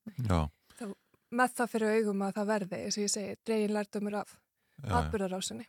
En eru stopnunar einhver leiti hikandi við að skrá svona tilvik? Já, maður bara veltiði fyrir sér. Ég hérna, hef ekki orðið vörfið át frá minni reynslu en, en það er náttúrulega helbriðstafsólk hefur komið fram og talað um að málsmeðferð í kjölfar svona alvarlega atveka sé í rauninni kannski ekki í nægilega góðum farvegi á Íslandi í dag og það gæti, ég meina maður fyrir að veltaði fyrir sér, maður sér alveg fyrir sér að það gæti leitt til þess að fólk sé meira heikandi til þess að láta vita af alvarlegum atvekum sem það sjálft er þá aðileg, aðileg að og, mm. og, og þá vitna ég nú gætnan í máleganar ástu hjókunarfræðings á gjörgæslinu sem við þekkjum öll vel og ég er mjög þakklátt fyrir að hún til, hefur verið tilbúin að vera opinn ská bara með það mál allt saman og leis, uh, lýsa sinni reynslu í kjölfari því að þar er rauninni einn helbreyðstarfsmöður sem er aðilega atviki tekin algjörl út fyrir og ágerður fyrir manndráp mm. og þetta er, hvað maður að segja, svolítið okkveikandi raunveruleiki fyrir eh, annað starfsfólk sem vinnur við svipaðar aðstæður og ég veit til dæmis að hún var á gjörgæslunni og það var erfitt að manna gjörgæsluna eftir þetta því að eins og hjókunarfræðingar þar sögðu þetta hefði geta verið ég. Mm -hmm. af því að það voru mjög margi þættir sem að leittu til þess að það atvik varð sem að e, hefur líka verið farið mjög nákvæmlega í fjölmjölum þetta Já. var ekkert eitt sem að öllu En má þá ekki gera ráð fyrir því að, að þegar fólk er aðilega að svona atviki að það frekar og, og þá tala ég bara mannlegt eðli sem er mm. fullkonlega eðlilegt að, að, að þú svona uh, veirið er við að bara stíga fram og benda á sjálfa þig. Það er nefnilega það sem er hættan ef að málsmeðferðin er ekki algjörlega gegnsæ, skýr og eitthvað sem við getum treyst. Mm. Að við þekkjum ferlið og vitum í hvaða farveg máli fer ef ég benda á sjálfa mig. Mm. Þannig að við verðum að upplifa að málsmeðferðin sé fagleg og þess vegna erum við að kalla eftir þessari rannsóknar nefnd e, alvarleira atveika uh, í heilbreyðiskerfinu. Alveg eins og er í varandi samgönguslis að þar er alltaf verið að horfa á stórumyndina því eins og ég segja alvarlega atveikuru lang oftast kerfislæg, aflegging margra kerfislægra þáttar og auðvitað geta komið mannleg mistök inn í það líka en þetta er lang oftast munflóknar eins og og það er búið að viðkenna þetta til dæmis í þessum samgönguslisum að þetta er lang sjálfnast einn starfsmæði sem ætlar sér að valda skada og er með einbettan brotavilja og, og það er sami helbriðiskerfinu. Mm. Þannig að bara það sé góður, faglegur hérna, farvegur fyrir svona mál og þau eins og komið fram í þættinu líka séu afgreitt tímanlega. Það er mjög slant bæði fyrir þann sem verður fyrir atvikinu og þá sem eru þá helbriðistansmenn sem að því koma að þetta taki svona opbáslega langan tíma. Já, en ég held að margir spyrir sér núna því akkur er ekki fyrir löngu búið að koma sér betri farveg og, og Já, setja fót, fót svona sérstakka rannsóta nefnd. Já, maður spyr sig og við erum búin að vera íta eftir þessu bara kröftulega í ykkur ár núna þessi skýrsla í kjölfar málsinsennir ástu það sem að kom út 2015 og þar var tíunda bara mjög ítælega hvernig úrbætur þyrrt að gera hérlandis til þess að þessi mál væri í, í þeim farvegi að eins og ég segi það sé hægt að treysta ferlinu bæði fyrir þá sem að verða fyrir atvikinu og fyrir helbriðistafsmennina og að þetta þá, að, og þá að auka þessa öryggismenningu, eins og ég segja, að tryggja fólk stíði fram. Og þetta er bara gríðarlega mikilvægt og, og það komur frétti bara núna hvað fyrir tveim vikum eitthvað svo leiðis að helbriðsra á þeirra ætlaði að fara að setja e, kraft í þessi mál og við fögnum því mjög og, og fylgjumst grandi með því. Og það er helbriðsra á þeirra sem þarf þá að, að setja fót þessa nefnd? Já, þetta er samvinna fleiri en eins ráðunetis og þetta virðist einhvern veginn hafa landsóldi á milli stóla þessi ár sem hafa liðið frá því að skýrslan kom út því að dómsmálaráðuneyti meðal annars þar líka koma að þessu máli. Mm. En hvernig eru læknar undibúnir fyrir þetta? Í læknanáminu er, er tekið á allskynnt þáttum og þar meðal til dæmis samskiptum og, og hvernig á að, að tala við sjúklinga. Oft finnst manni þegar maður heyrir þessa sögur að þar hafi skort verulega á mm. uh, sjúklingur og segir það var ekki hlusta á mig. Ég þekki sjálfa mig best, ég var að segja að þetta væri ekki lægi. Uh, er, er, er farið í gegnum þessa öryggistætti í læknanáminu? Það er gert en það mætti leggja meiri áherslu á það og svo held ég líka þetta sem þú ert að lýsa með það var ekki hlusta á mig og, og þetta ég held að það sé að verða ákveðin kynnslóðskipti líka í læknastjætt, mm. ég ekki tala fyrir hana en þetta er náttúrulega mála allra heilbriði starfsmána. Það er að verða ákveðin kynnslóðskipti varandi þetta viðhorf. Þannig að ég á von og einmitt ríkari áhersla á samskipti, bara heiðarlega samskipti hvaðma virðingu. Þannig að ég vona, því að mann þykir það svo sárt að fólk skulle upplifa þetta, mm -hmm. að það sé ekki hlustað á það. Já. Og við verðum að vanda okkur gríðarlega, einmitt eins og kom fram líka, það er aðstöðumunur á milli, segjum til dæmis fæðandi konu og þeirra sem koma þar að, að maður verður að bera virðingu fyrir því líka þess, og vera meðvitar um þannan aðstöðumun já, já. og hérna og þess að ég segi alltaf reyna að mæta fólki þar sem það er En, en landsmið hljóta hafa minna tröst til helbriði stopnuna og helbriði starfsfólks þegar það heyrir já, svona e, tölfræði að, að, að svona atvík veri hver einustu viku hvað er hægt að gera til að, til að vinna aftur það tröst? Ég vona að það sé ekki svo. Í konunum er nú tröstið yfirleitt nokkuð mikið á helbriðstofnunum og ég vona að þetta valdi okkur ekki nekkjum uh, og ég vona að fólk skilji líka að þetta er í raunin bandi til þess að, helbriðstarfsfólk sé heiðalegt að tilkynna aðveika, það sé ekki að fela. Ég held það er náttúrulega það sem væri verst ef við værim að upplefa það sé verið að stinga hlutum undir stól og sópundi teppið og, og ekki þóra viðurkenna. En með því að, eins og ég segja, þetta sé allt gegnsætt, tímanlegt, öll þessi málsmeð þær fagleg, að þá aukum við ennfreka líkurnar á því að að þetta sé allt upp á borðum. Mm. En eins og ég, ég held að maður þurfi ekki endilega að tólka þessa tölur sem að það, að það sé allt niður um fólk Nei. inn á helbriðistofnunum mm. og eins og kom fram í þættinum í gær líka þá er þetta á pari við það sem við erum að sjá í löndunum í kringum okkur, þetta er ekkert meira heldur en annar staðar. Mm. En er eitthvað skonar innra eftirlit í gangi? Við þekkjum úr lauruglu þáttum í sjónvarpinu að það er eitthvað skonar innra eftirlit sem fylgis með starfinu innanfrá sem tryggir það að ef eitthvað kemur upp á það sem fólk brýtur af sér að þá er eitthvað annar sem er að fylgjast með því. Uh, er eitthvað svona eftirlitsaðili innan heilbreyðiskerfisins, innan stopnarnana sem er að vakta þetta? Já, það eru eftirlitsaðilar bæði innan stopnarnana og svo eru við með landlæknisembatti líka sem er eftirlitsaðili heilbreyðiskerfisins í heilt. Þannig að það er fylst vel með þessu. Mm. En eins og ég segi, við viljum fá samt þegar verða þessi alvarlegu atvika að þeir sem að koma rannsók þeirra séu algjörlega óháðir úr reyninni sérhæfður í að fást við að greina svona mál, en þetta er bara gríðarlega flókið. Og eins og Alma saði í gerð landlæknir að helbriðskerfið og, og þjó, þetta er að verða flóknar og flóknar, þetta er gríðarlega flókin þjónusta og nútíma tækninni flegir fram og það bara þarf mikið innsægi, mentun og reynslu til þess að skilja öll atvik uh, og átta sig á þessu alveg ofan í kjölinn. Þannig að það er mikilvægt að hérna, þetta gæða eftirlit eins og segir, það sé líka þessi, það vandir henni þennan bita í púsli þess að óhaðu nefnd fyrir þessi alvarlegustu atvik.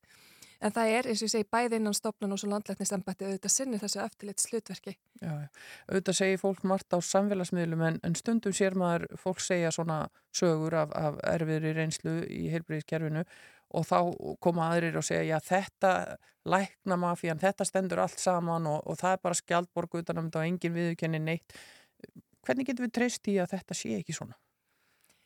Já, í fyrsta lagi þá held ég geti tala fyrir hönd stjættarinnar að, að hérna, við viljum auðvita okkar sjúklingum og þeirra aðstandundum það besta og við leggjum okkur fram um það alla daga mm. og manni þykir alltaf leitt að heyra þetta með læknamafín og þóttu auðvitað skilji ég þessa umræði er en hérna ég held að við erum, ég meina það er algjör undantekning að við séum ekki vinna af heilindum eða reyna það eftir bestu getu. Mm -hmm. Þið skrifuðu þetta undir eið? Nákvæmlega og það er nýbúið að uppfæra siðareglunar okkar þannig að við erum mjög meðvitið um okkar skildur gagvart okkar sjúklingum sem eru alltaf í öndvegi hjá okkur. Mm. En svo náttúrulega verða svona atvik og þá náttúrulega verður fólk líka bara, sem ég segi, horfast í augu við að viðurkenna það, læra af því. Mm -hmm.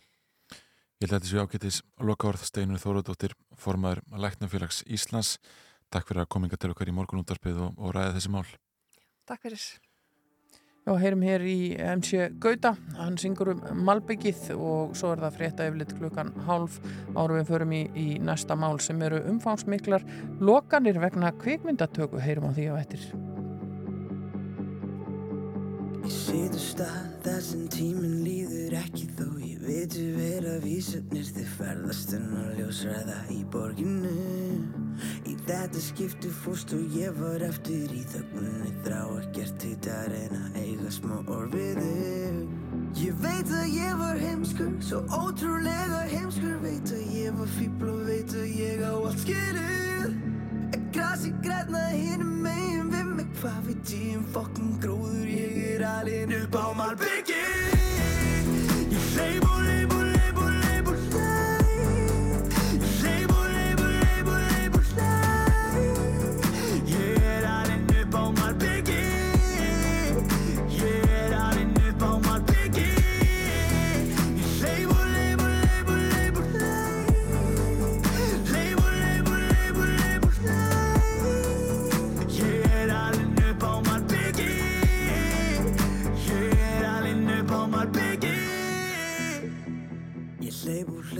hleyp og hleyp og hleyp í burtu frá þér en ég ras alltaf á andlitið.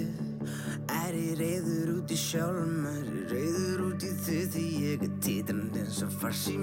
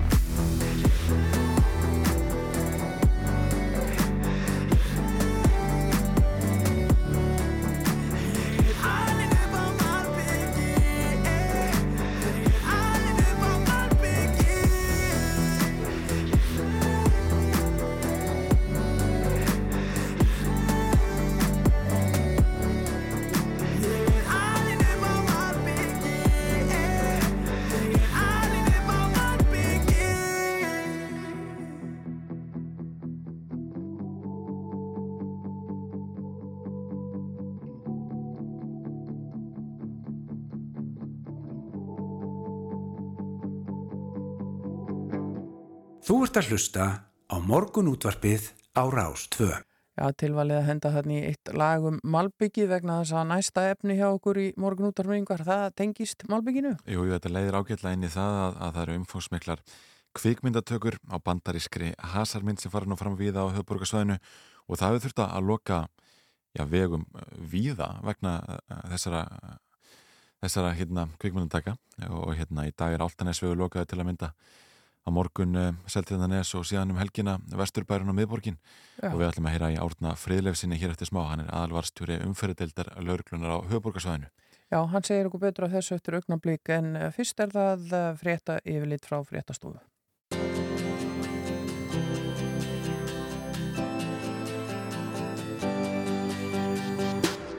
Þú ert að hlusta á morgunútvarpið. Á Rástvöðu Jújú, eins og nefndum hérna áðan þá hafa verið umfósmiklar kvikmyndatökur á banderskri hasarmynd eh, núna og, og lokaðu þurft vegum víða vegna þeirra. Árni Fríðleifsson, aðalvarstjóri umferðdeldar lauruglunar á höfuborgarsvæðinu komin á línuna, góðan daginn. Já, góðan dag, góðan dag. K hvað segir, er víða lokað í dag eh, vegna þessara myndar? Uh, það er, já, það er, núna er það að mynda hérna á uh, Krísjökuvegi, Kleifarvatn og þar og það, það er lokað. Já. Það er nú ekki, ekki enga lokanir komna hérna í borginna ennþá. Nei, ég meit, en það er vona á, á svona viðtakum lokunum í miðborgin og vesturbæjum helgina, passa það ekki? Já, já, já. Það er hérna og meðal annars uh, verður sæbröðin lokuð hérna uh, hérna niður, niður í miðborginni hérna við hörpu og þar. Þannig að, að, þetta eru heilmikla lokanir. Er, er þetta ég finna, geta bara allir látið loka bara hálfri borg ef þeir vilja gera eitthvað. Hvernig virkar þetta? þetta, þetta er góð spurning. Sko, það er uh, veghaldari uh, eru ímist sko sveitafélögin Reykjavík borg eða þá vegagerðin. Uh, það geta í sjálfu sér allir sótt um að fá að loka vegum út af einhverjum viðbörðum og annarkort myndatökum eða, eða hérna, eins og við þekkjum alls konar hlaup sem fara hennum. -hmm. Mhm. Síðan er það veghaldar að, að ákveða hvað hva þeir vilja láta loka og hérna þannig að það, það er, það er sjálfur sér hægt að, hver sem er getur fengið lókunum. Við, við þekkjum það allir misa íbúa samtöku göttur að fengið lókun út af hérna svona göttuháttíðum, grill, grill á, á síðkvöldum. Mhm. -huh. Þannig, þannig að það er, þetta er alþekkt að þessi lokað og ekki bara hérna í Reykjavík á Sveitafélagunum, þetta er líka ellendist þá uh, þeir sem eru búin að ferðast mikið, þeir, þeir tekja það, það er, það er oft verið að loka göttum út af einhverjum viðbörðum. Já, einmitt. En ef mér langar að, að bara loka miklabrautinni, e, þarf ég að greiða fyrir það?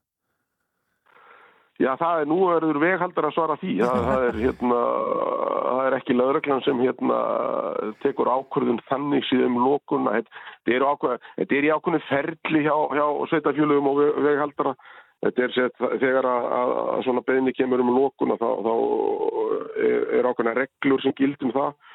Eh, þeir eh, gefa annarkort Reykjavík og Borg eða vegagerð gefur út leiði sem eru sendið á okkur og við förum yfir leiðin og, og komum með aðtjóða sendir ef, ef, ef, hérna, ef þörf er á En, en varðandi hvort að, að við haldari eða eigendu gatna síðan taka greiðslu fyrir það, ég, við, erum, við getum ekki svarað því.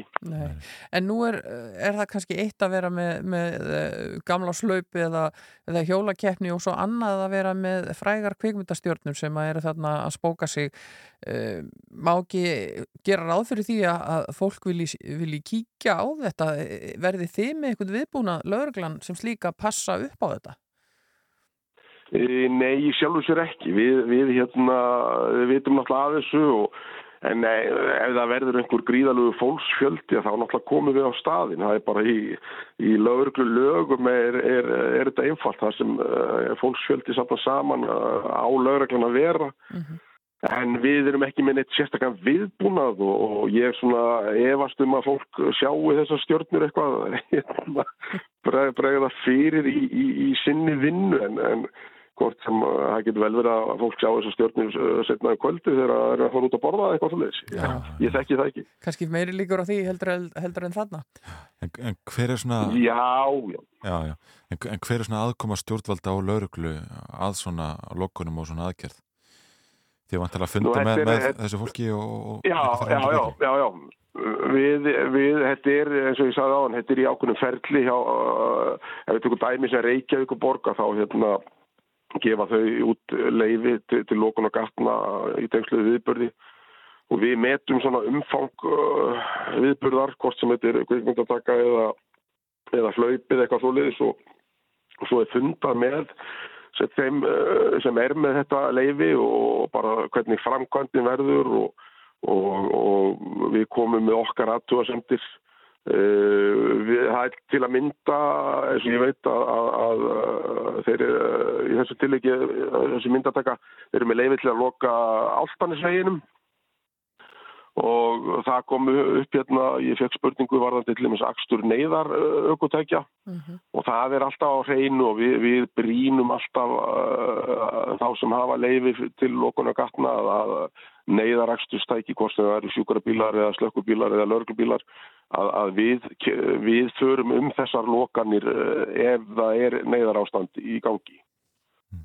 Þannig að, að það sé á hreinu alltaf að, að, og eins og við höfum alltaf ítrekkað á þessu fundum það er öryggi fólks og, og íbúa og fólk sem dvelur hérna höfðborgarsæni það er öryggi þeirra en nummer 1, 2 og 3. Já, já, emitt, emitt. Eh, hvað tekum við hjá okkur núna um helgina? Eh, þurfum við mikið að, að já, pæla í þessum lókunum? Já, við náttúrulega erum, þetta er svona eh, eitt af okkar verkefnum að, við erum meðvitaður um þetta. Mm. En það er, núna er náttúrulega eins og þið kannski hafið eh, tekið eftir, það er svona voru í lofti þannig að það eru sjálfmörg verkefni sem hérna komin að borð hjá okkur og við bara tökum á móti þessum verkefnum með bróðs og vör og, mm. og reynum að hafa gaman að þessu. Já, það er gott að heyra. Takk hjálpa fyrir að vera á línunni hjá okkur Átni Friðleifsson, aðalvarstjóri umferðadeildar lauruglunar höfuborgarsvæðinu og gangi ykkur vel með þetta allt saman. Takk hjálpa, takk. Já, og höldum aðfram hérna í morgun útarpinu hún ætlar að setjast hjá okkur eftir augnablíkum Guðrún Björg eh, Bjarnadóttir, frangandastjóri Stefs og tala um þessa dulafullu, já, listamenn á Spotify sem eru ekki til. Já, einmitt, sem eru hérna nokkru einstaklingar í, í hérna Gautaborg til að mynda, bara standa baki. Ímislega sem gerist í Gautaborg En við ætlum að heyra eitt af lögunum sem komist í úslit söngvakefninar í ár, þetta eru sískinin í Amar Roses og, og lagið þeirra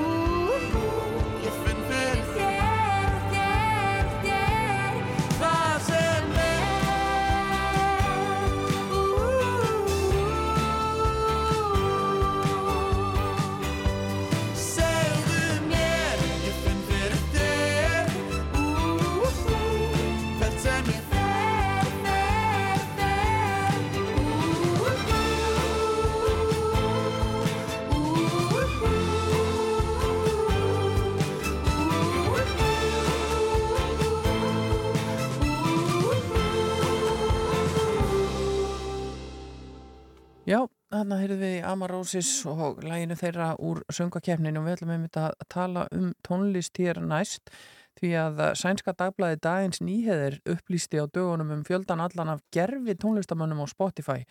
Og það sem að blæðamenninni gerði var að keira saman gögn frá Spotify við gögnum eigendur höfundarétta laga og komist að því á Spotify eru hundru tónlistamanna sem eru bara uppspunni meðal annars þessi íslenski tónlistamæður Ekvat Já, já, sem miljónir hlustenda á, á, mánuði og hérna en, já. og það var fjallað um þetta í speiklinum í vikunni en okkur langar að vita ennþá meira og höfum fengið til okkar hana Guðrúnum Björk Bjarnadóttur Frangatastjóra Stefs, velkomin. Takk fyrir. Þú ert búin að skoða þetta svo litið, kannski að byggja þig bara um að útskýri stuttumáli fyrir hlustendum um hvað mm -hmm. þetta snýst. Já, takk fyrir. eh, við, við komum auga á þetta fyrir nokkrum árum síðan fyrst að það dúkuðu upp nöfn á Spotify til dæmis nöfn með íslenskum eða íslensku nöfn.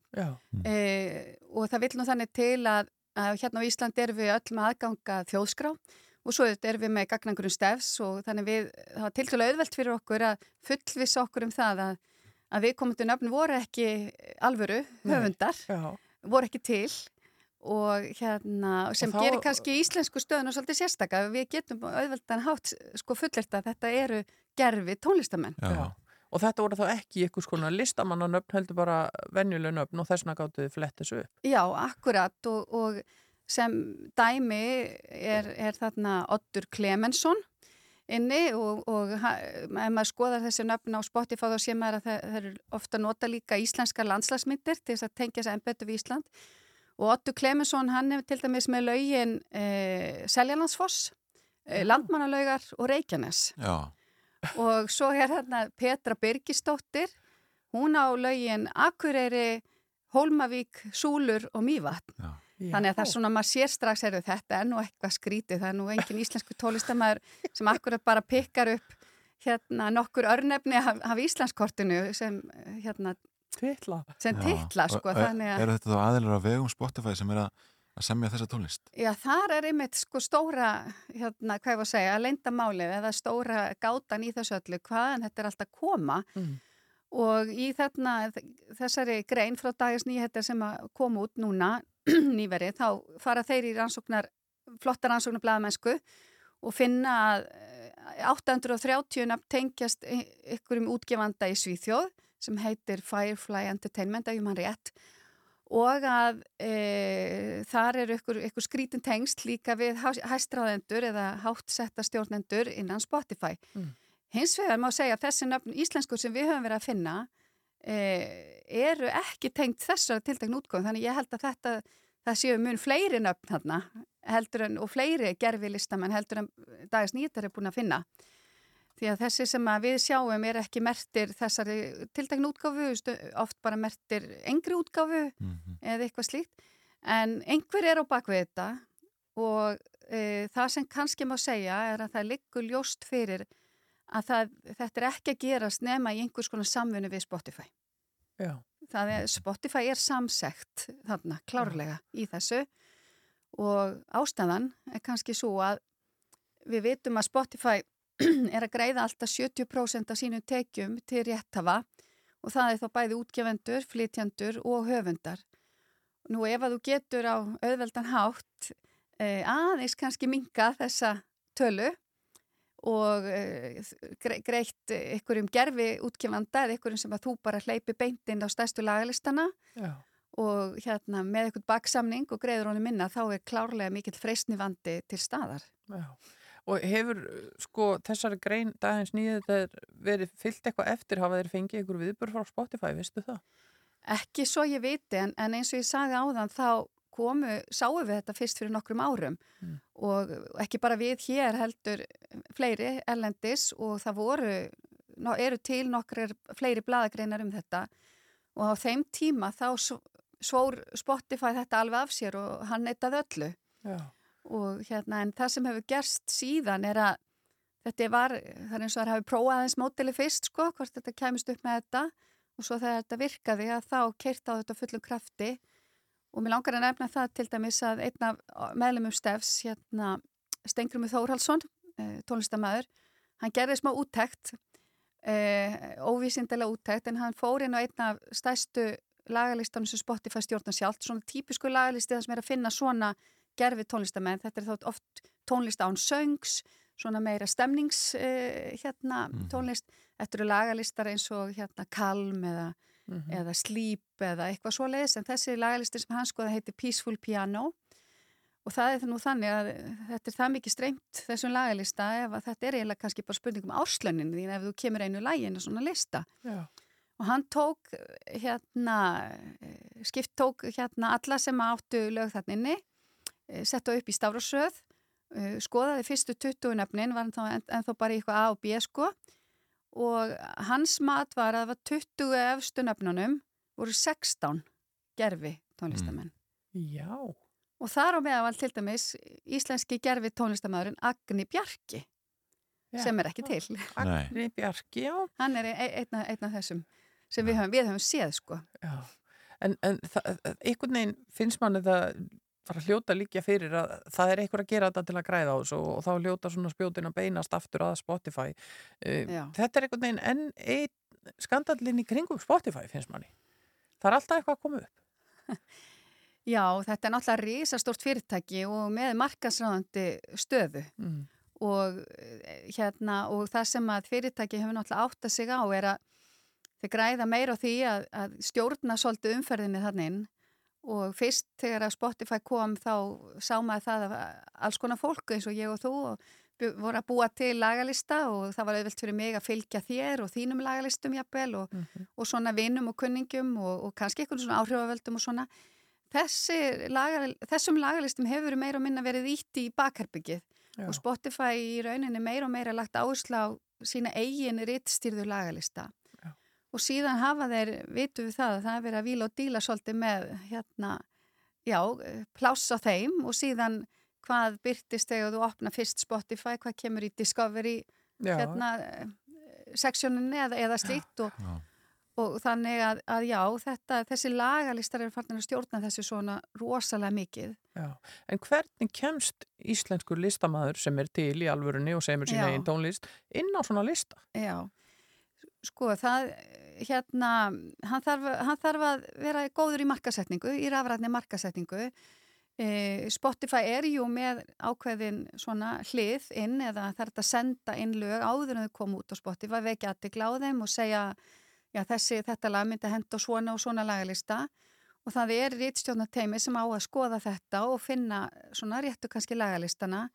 Þar aftur höfum við kvarta mikið við því að að það er engin í rítstjónateimi Norðurlandana sem er frá Íslandi eða þekkir íslenska tónlist.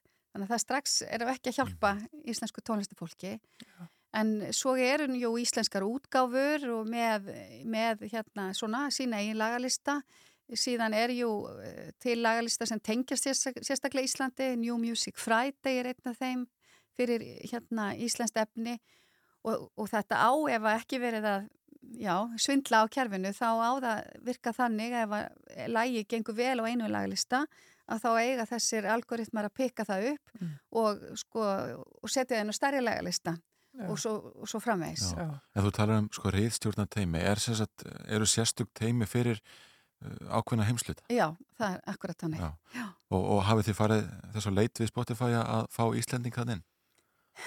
Já, það, það hefur verið svona, talað um það og, og ég veit reynilega að okkar hérna, nýje menningamálar á þeirra eh, ætlar að beita sér líka sérstaklega í þessu, kannski eins og hún beitti sér í Disney-málinu líka, því muni eftir því, það var ekki til íslenska þýðinga þar, þannig að við erum núna vonast til þess að sjá breyting á því, okkur finnst það svona að vera algjörst lámark að það sé eitthvað sem þekki íslenskan marka þó að við séum lítil, sem að geti þá er mitt pikkað upp uh, góð íslensk lög og komið þeim lengra áfram inn í þessum stóra streymis heimi Spotify. Já. En nú er Spotify enga fyrirtæki.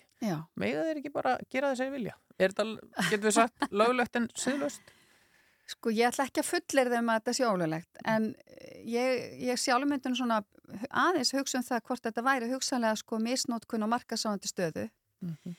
Síðan er þetta hugsanlega e, brota á ykkur samningum við útgefendur sem setja þarna inn og að miskusti bara að tala frá okkur, frá stefi, við erum með í gegnum okkar norrannu samstagsæðala með samning við Spotify og þetta er klárlega eitt af þegar sem ég mun tala um þar að við í næstu samningalottu við Spotify þurfum að skoða hvort það sé eitthvað neginn hægt að reyna að þrengja að svona svind starfseminna Spotify gegnum okkar samninga. Mm -hmm. Já, en uh, íslenskir uh, tónlistamenn, uh, er þetta ströggl að komast að á Spotify eins og staðan er núna uh, vegna þess að það eru lítil tengst við Íslandi eða? Já, ég held að það sé bara óhægt að segja það og, og það er, við erum alltaf lítil í, í, í stóra samhenginu. Það koma um 80.000 ný lög inn á Spotify á dag á dag? Já, það þýðir sko margar miljónir á hérna á mánuði og það er auðvitað erfitt að þá að standa út úr Já. og ná, ná hlustun og uh, það við veitum líka það að, að sko yfir 90% af tekjum Spotify er að fara yfir til bara 10% þeirra sem eiga þá tónlist þannig að þessi kerfi býður svolítið upp á það að þessi stóri verða ennstæri og litli verða enn minni mm. og það eru meiri að segja millir 5 og 6 miljón verka eða laga á Spotify sem hefur aldrei verið strengt, bara 0 mm. Þannig að, að það er bara átta um að já, vekja á sér aðtekli þann inni og ég held að jápil þótt að hlutverk útgefanda hafi breyst á síðustu ári með minni plötursölu og slíkt að, að hvort sem það er útgefandið ykkur annar þá þurfa tónlistamenn nú alveg eins, já, nú fremur en aldrei áður eh, aðstóð við markasetningu Já. og koma sér á framfæri. Já. Mjög áhugavert mál og þeim munum vantilega að fylgjast áfram með, með, með þróun þessara mála. Ég reikna með að sænsku bladamenninir og, og þau sem að hafa grafið þetta upp, eh, fylgjið þessu eitthvað eftir? Já, ég var gífulega ánað að sjá að, að þeir tóku þetta upp og kannski lindum að bæta því líka við að, að því að við erum hérna í ákveðin sérstöðu Íslanda að geta sagt að Otto Klemensson og Petra Birgisdóttir eru nú ekki til í alvöru að þá voru við líka búin að taka saman upplýsingar um þetta og senda bæði til okkar Evrópusamtaka til að vekja aðtekla á þessu og einnig til eh, hérna, teimi sem er að gera sérstaklega skýslu núna um streymismarkaðin í Evrópu. Þannig að við vorum nú áður en þetta kom upp búin að gera ímislegt til þess að vekja aðtekla á, á þessu máli. Já, og, og væntu þá viðbraða þaðan? Já, ég, ég, ég vona núna með þessari stóru grein í dagins nýhettar og að, að nú kannski gerist eitthvað, já. Já, mjög áhugavert og, og takk fyrir að koma til okkar Guðrún Björk Bjarnadóttir, frangatastjóri Stefs og að fara í gegnum þetta með okkur. Við fylgjum stöðuða áfram líka með takk kjærlega fyrir komuna. Takk fyrir. Og þá er bara komið að lokum hjá okkur yngvar og um, ég ætla að lega mér að fullera það að listamæðurinn sem við ætlum að enda á, hann er ram íslenskur og uh, hann er til. Hann er til, annað en, en hún Petra. Já. Já. og Hottu Klemensson þannig að við ætlum að enda þáttir í dag á því að heyra í áskýri trösta og uh, lægi sem heitir Heimförin. Þó að séum sennilega fæstir á leiðinni heim það eru sennilega allir á leiði í vinnu eða skóla eða eitthvað slíkt. Við þökkum bara fyrir okkur í morgun útarfinn í dag Já, takk fyrir í dag. Þið verðið hér á morgun, þú og Snæróks Jújú, það verður farið víða í þættinum á morgun eins og, eins og svo dag Þóruður Helgi tekur svo við hér að loknum fréttum klukkan nýju og svo popland eftir hátegi og sítið á sínum stað allt eins og það á að vera. Hafið það gott.